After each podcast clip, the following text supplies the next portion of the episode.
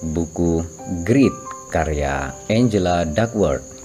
Kita memasuki bab terakhir dari buku ini, yaitu bab ke-13. Bab 13 Kesimpulan Buku ini membahas kekuatan ketabahan untuk membantu mencapai potensi Anda. Saya menulis buku ini karena apa yang kita capai dalam maraton kehidupan sangat tergantung pada ketabahan kita, hasrat dan kegigihan kita untuk mencapai cita-cita jangka panjang. Obsesi pada bakat mengalihkan perhatian kita dari kenyataan sederhana ini. Buku ini adalah cara untuk mengajak Buku ini adalah cara saya untuk mengajak Anda minum kopi di luar dan menyampaikan kepada Anda apa yang saya ketahui. Saya hampir selesai. Perkenankan saya menutup dengan beberapa pemikiran penutup. Yang pertama adalah bahwa Anda bisa menumbuhkan ketabahan Anda. Saya melihat dua cara melakukannya. Sendirian, Anda bisa menumbuhkan ketabahan Anda dari dalam keluar anda bisa memupuk minat Anda. Anda bisa mengembangkan kebiasaan latihan tantangan melampaui keterampilan setiap hari. Anda bisa menghubungkan pekerjaan Anda dengan sebuah tujuan di luar diri Anda sendiri. Dan Anda bisa belajar untuk berharap ketika segalanya terasa hilang. Anda bisa menumbuhkan ketabahan Anda dari luar ke dalam. Orang tua, pelatih, guru, atasan, mentor, teman, mengembangkan ketabahan pribadi Anda sangat bergantung pada orang lain. Pemikiran penutup saya yang kedua adalah tentang kebahagiaan, kesuksesan. Apakah diukur dengan siapa yang memenangkan lomba mengeja nasional, siapa yang berhasil lulus dari West Point, atau siapa yang mencapai penjualan tahunan terbesar, bukan satu-satunya hal yang Anda pedulikan. Tentunya, Anda juga ingin bahagia, dan sementara kebahagiaan dan kesuksesan saling berkaitan, keduanya tidak identik. Anda mungkin bertanya-tanya, bila saya semakin tabah dan menjadi semakin sukses, apakah kebahagiaan saya akan anjlok? Beberapa tahun lalu, saya mencoba menjawabnya dengan melakukan survei terhadap 2000 orang dewasa Amerika. Grafik di halaman berikutnya menunjukkan hubungan ketabahan dengan kepuasan hidup diukur pada skala yang berkisar dari 7 sampai 35 dan mencakup butir seperti bila saya bisa mengulangi hidup saya dari awal, saya hampir tidak akan mengubah apa-apa. Dalam studi yang sama, saya mengukur emosi positif seperti kegembiraan dan emosi negatif seperti malu. Saya menemukan bahwa semakin tabah seseorang, semakin besar kemungkinan orang itu untuk menikmati kehidupan emosional yang sehat. Bahkan pada bagian teratas skala ketabahan pun, ketabahan berjalan berdampingan dengan kesejahteraan. Dengan cara apa pun saya mengukurnya. Ketika mahasiswa saya dan saya menerbitkan hasil ini, kami mengakhiri laporan kami seperti ini. Apakah pasangan hidup dan anak-anak dari orang paling tabah juga lebih bahagia? Bagaimana dengan rekan kerja dan karyawan mereka? Penyelidikan tambahan dibutuhkan untuk menelusuri kemungkinan sisi buruk dari ketabahan. Saya belum punya jawaban atas pertanyaan-pertanyaan itu, tapi rasanya ini adalah pertanyaan yang bagus untuk diajukan. Bila saya berbicara dengan teladan ketabahan dan mereka mengatakan kepada saya betapa senangnya mereka bekerja dengan penuh hasrat untuk tujuan yang lebih besar daripada diri mereka sendiri, saya tidak tahu apakah keluarga mereka merasakan hal yang sama. Saya tidak tahu Misalnya, apakah seluruh tahun yang saya curahkan pada cita-cita level puncak yang sangat penting menimbulkan biaya yang belum saya perhitungkan? Yang sudah saya lakukan adalah bertanya kepada kedua putri saya, Amanda dan Lucy, apa rasanya tumbuh dewasa dengan ibu yang tabah? Mereka melihat saya berusaha melakukan hal-hal yang belum pernah saya lakukan sebelumnya, seperti menulis buku dan melihat saya menangis ketika keadaan benar-benar sulit. Mereka melihat Betapa menyiksa rasanya ketika harus mengurangi keterampilan yang dapat dilakukan tapi sulit dilakukan. Mereka bertanya saat makan malam, apakah kita selalu harus berbicara tentang latihan terencana? Mengapa semua harus berpusat pada penelitian ibu? Amanda dan Lucy ingin agar saya lebih bersantai sedikit dan lebih banyak bicara tentang Tyler Swift. tapi mereka tidak ingin ibu mereka menjadi siapa pun selain teladan ketabahan. Malah, Amanda dan Lucy bercita-cita untuk mencapai hal yang sama. Mereka sudah melihat secara sekilas kepuasan yang dirasakan setelah melakukan hal penting untuk diri untuk diri Anda sendiri dan orang lain dan melakukannya dengan baik dan melakukannya meskipun sangat sulit. Mereka ingin lebih dari itu. Mereka menyadari bahwa rasa cepat puas diri memiliki pesona tapi tidak patut dipertukarkan dengan pemenuhan perwujudan potensi mereka. Ada satu lagi pertanyaan yang belum benar-benar saya jawab dalam penelitian saya. Apakah seseorang bisa memiliki terlalu banyak ketabahan? Aristoteles berkilah bahwa terlalu banyak atau terlalu sedikit hal baik itu buruk.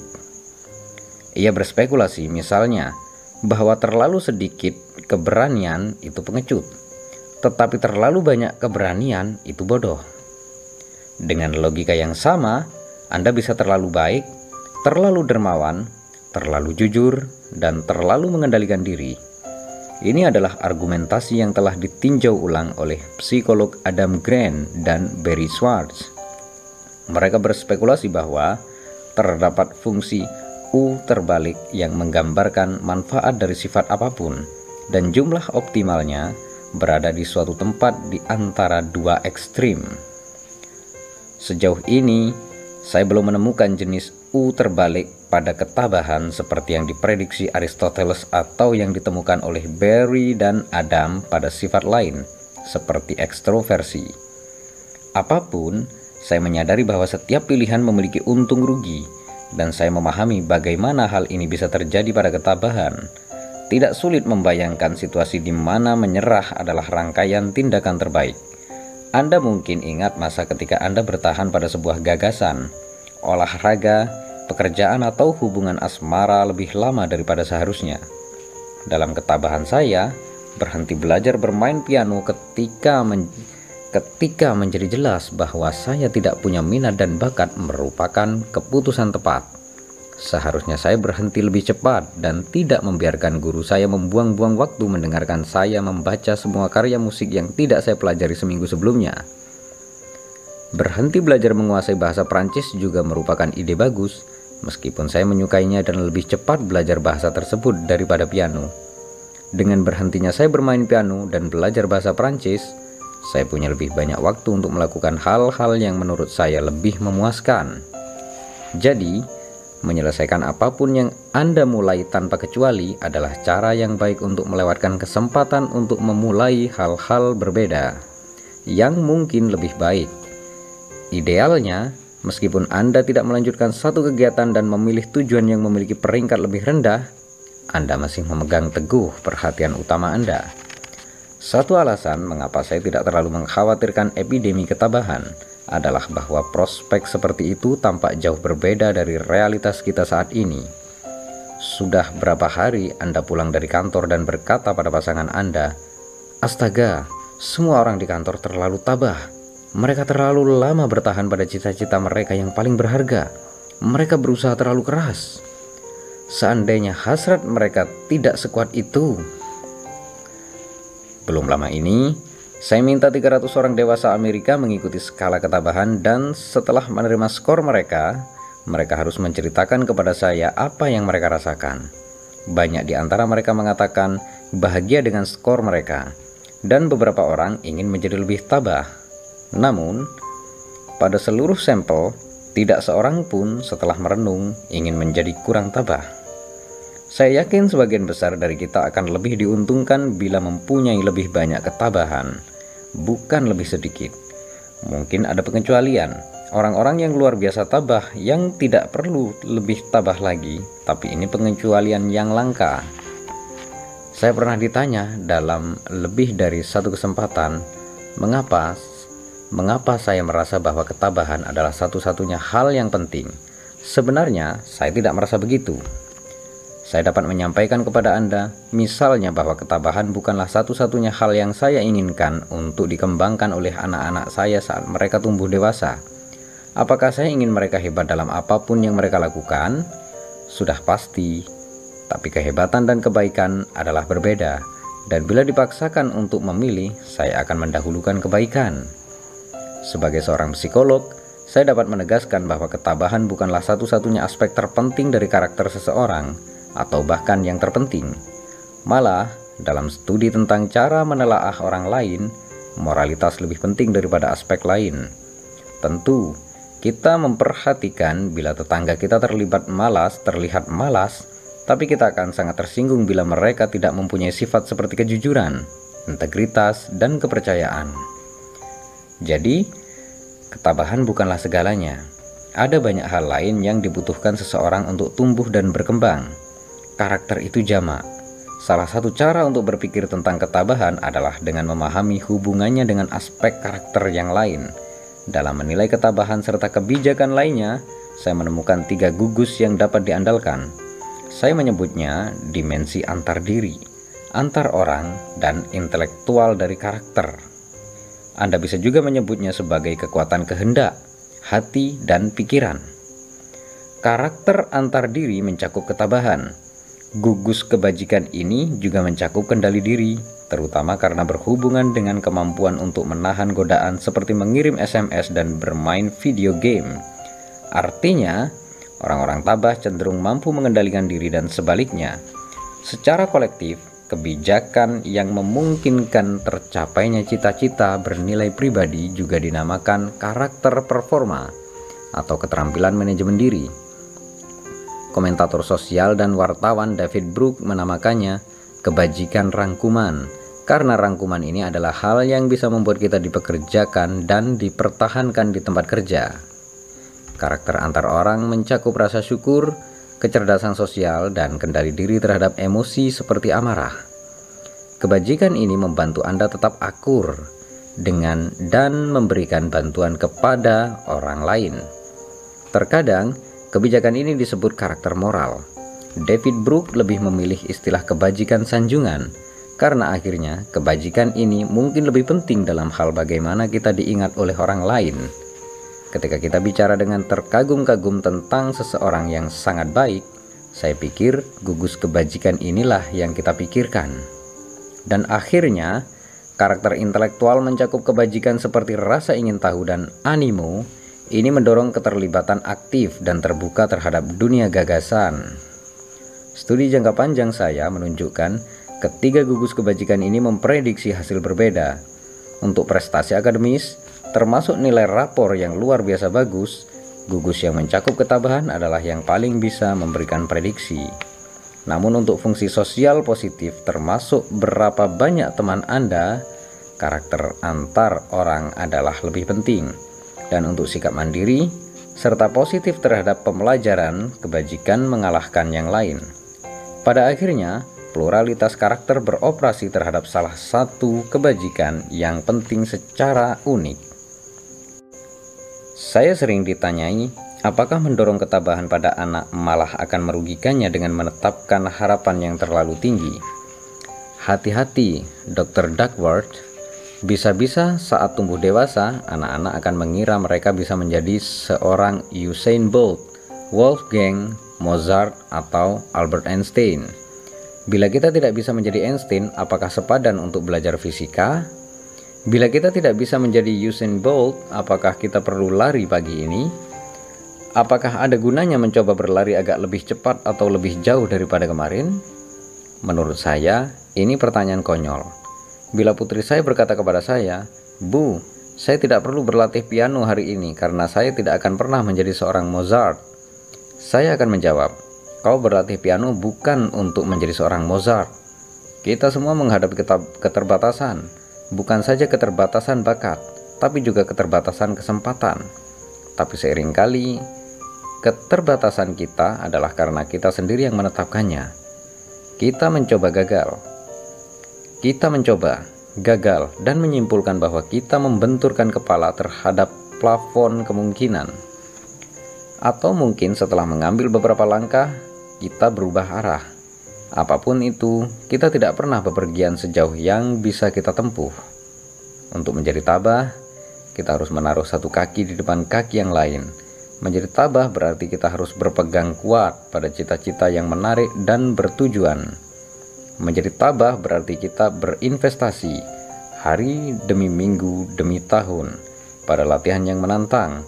Menjadi tabah berarti bila kita jatuh tujuh kali, kita harus bangkit kita harus bangkit delapan kali. Belum lama ini saya diwawancarai oleh seorang wartawan. Usai wawancara, sebelum pergi ia berkata, "Jadi jelas bahwa Anda bisa bicara tentang hal ini seharian." Anda benar-benar mencintai topik ini. Wah, memangnya ada hal yang lebih menarik daripada psikologi pencapaian? Apakah ada yang lebih penting? Ia terkekeh. Tahukah Anda? ujarnya. Saya juga benar-benar mencintai apa yang saya lakukan. Menakjubkan bagi saya betapa banyaknya orang yang saya kenal yang sudah berusia 40-an tapi belum berkomitmen pada apa pun. Mereka tidak tahu apa yang mereka lewatkan. Satu pemikiran terakhir.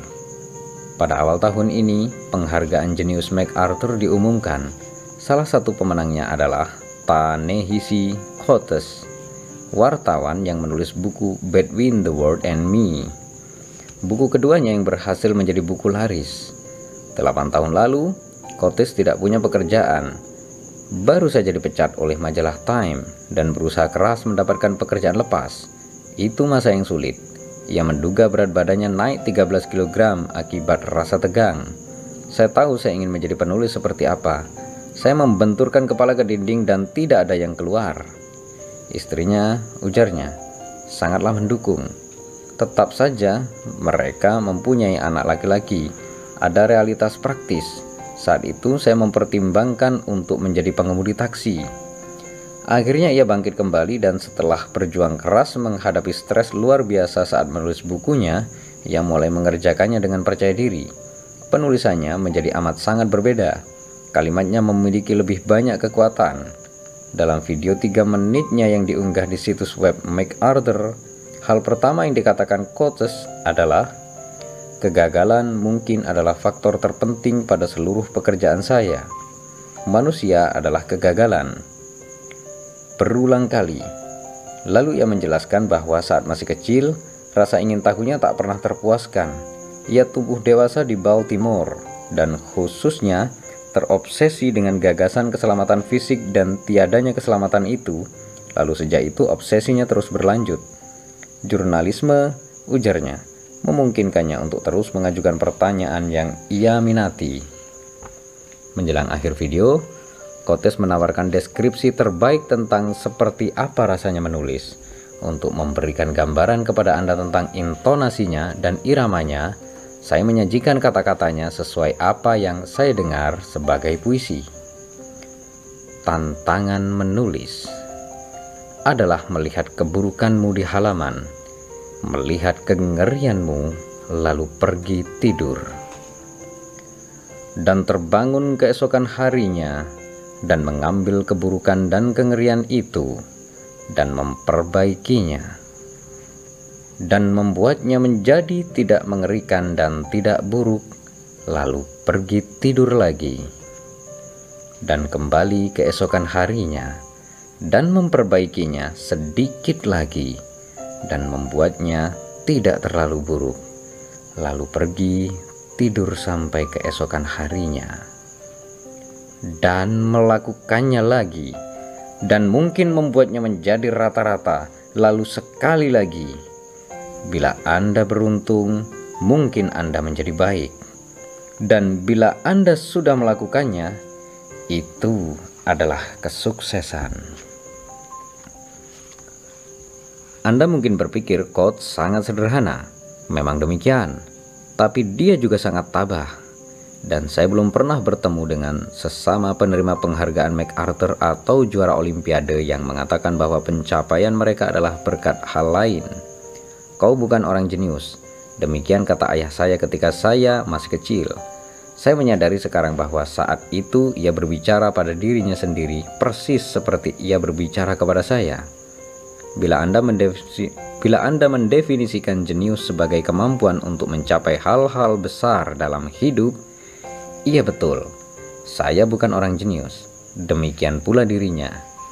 Namun bila sebaliknya, Anda mendefinisikan jenius sebagai bekerja untuk mencapai keunggulan tanpa henti dengan segala hal yang Anda miliki. Kenyataannya, ayah saya adalah seorang jenius. Begitu pula saya, begitu pula Kotes.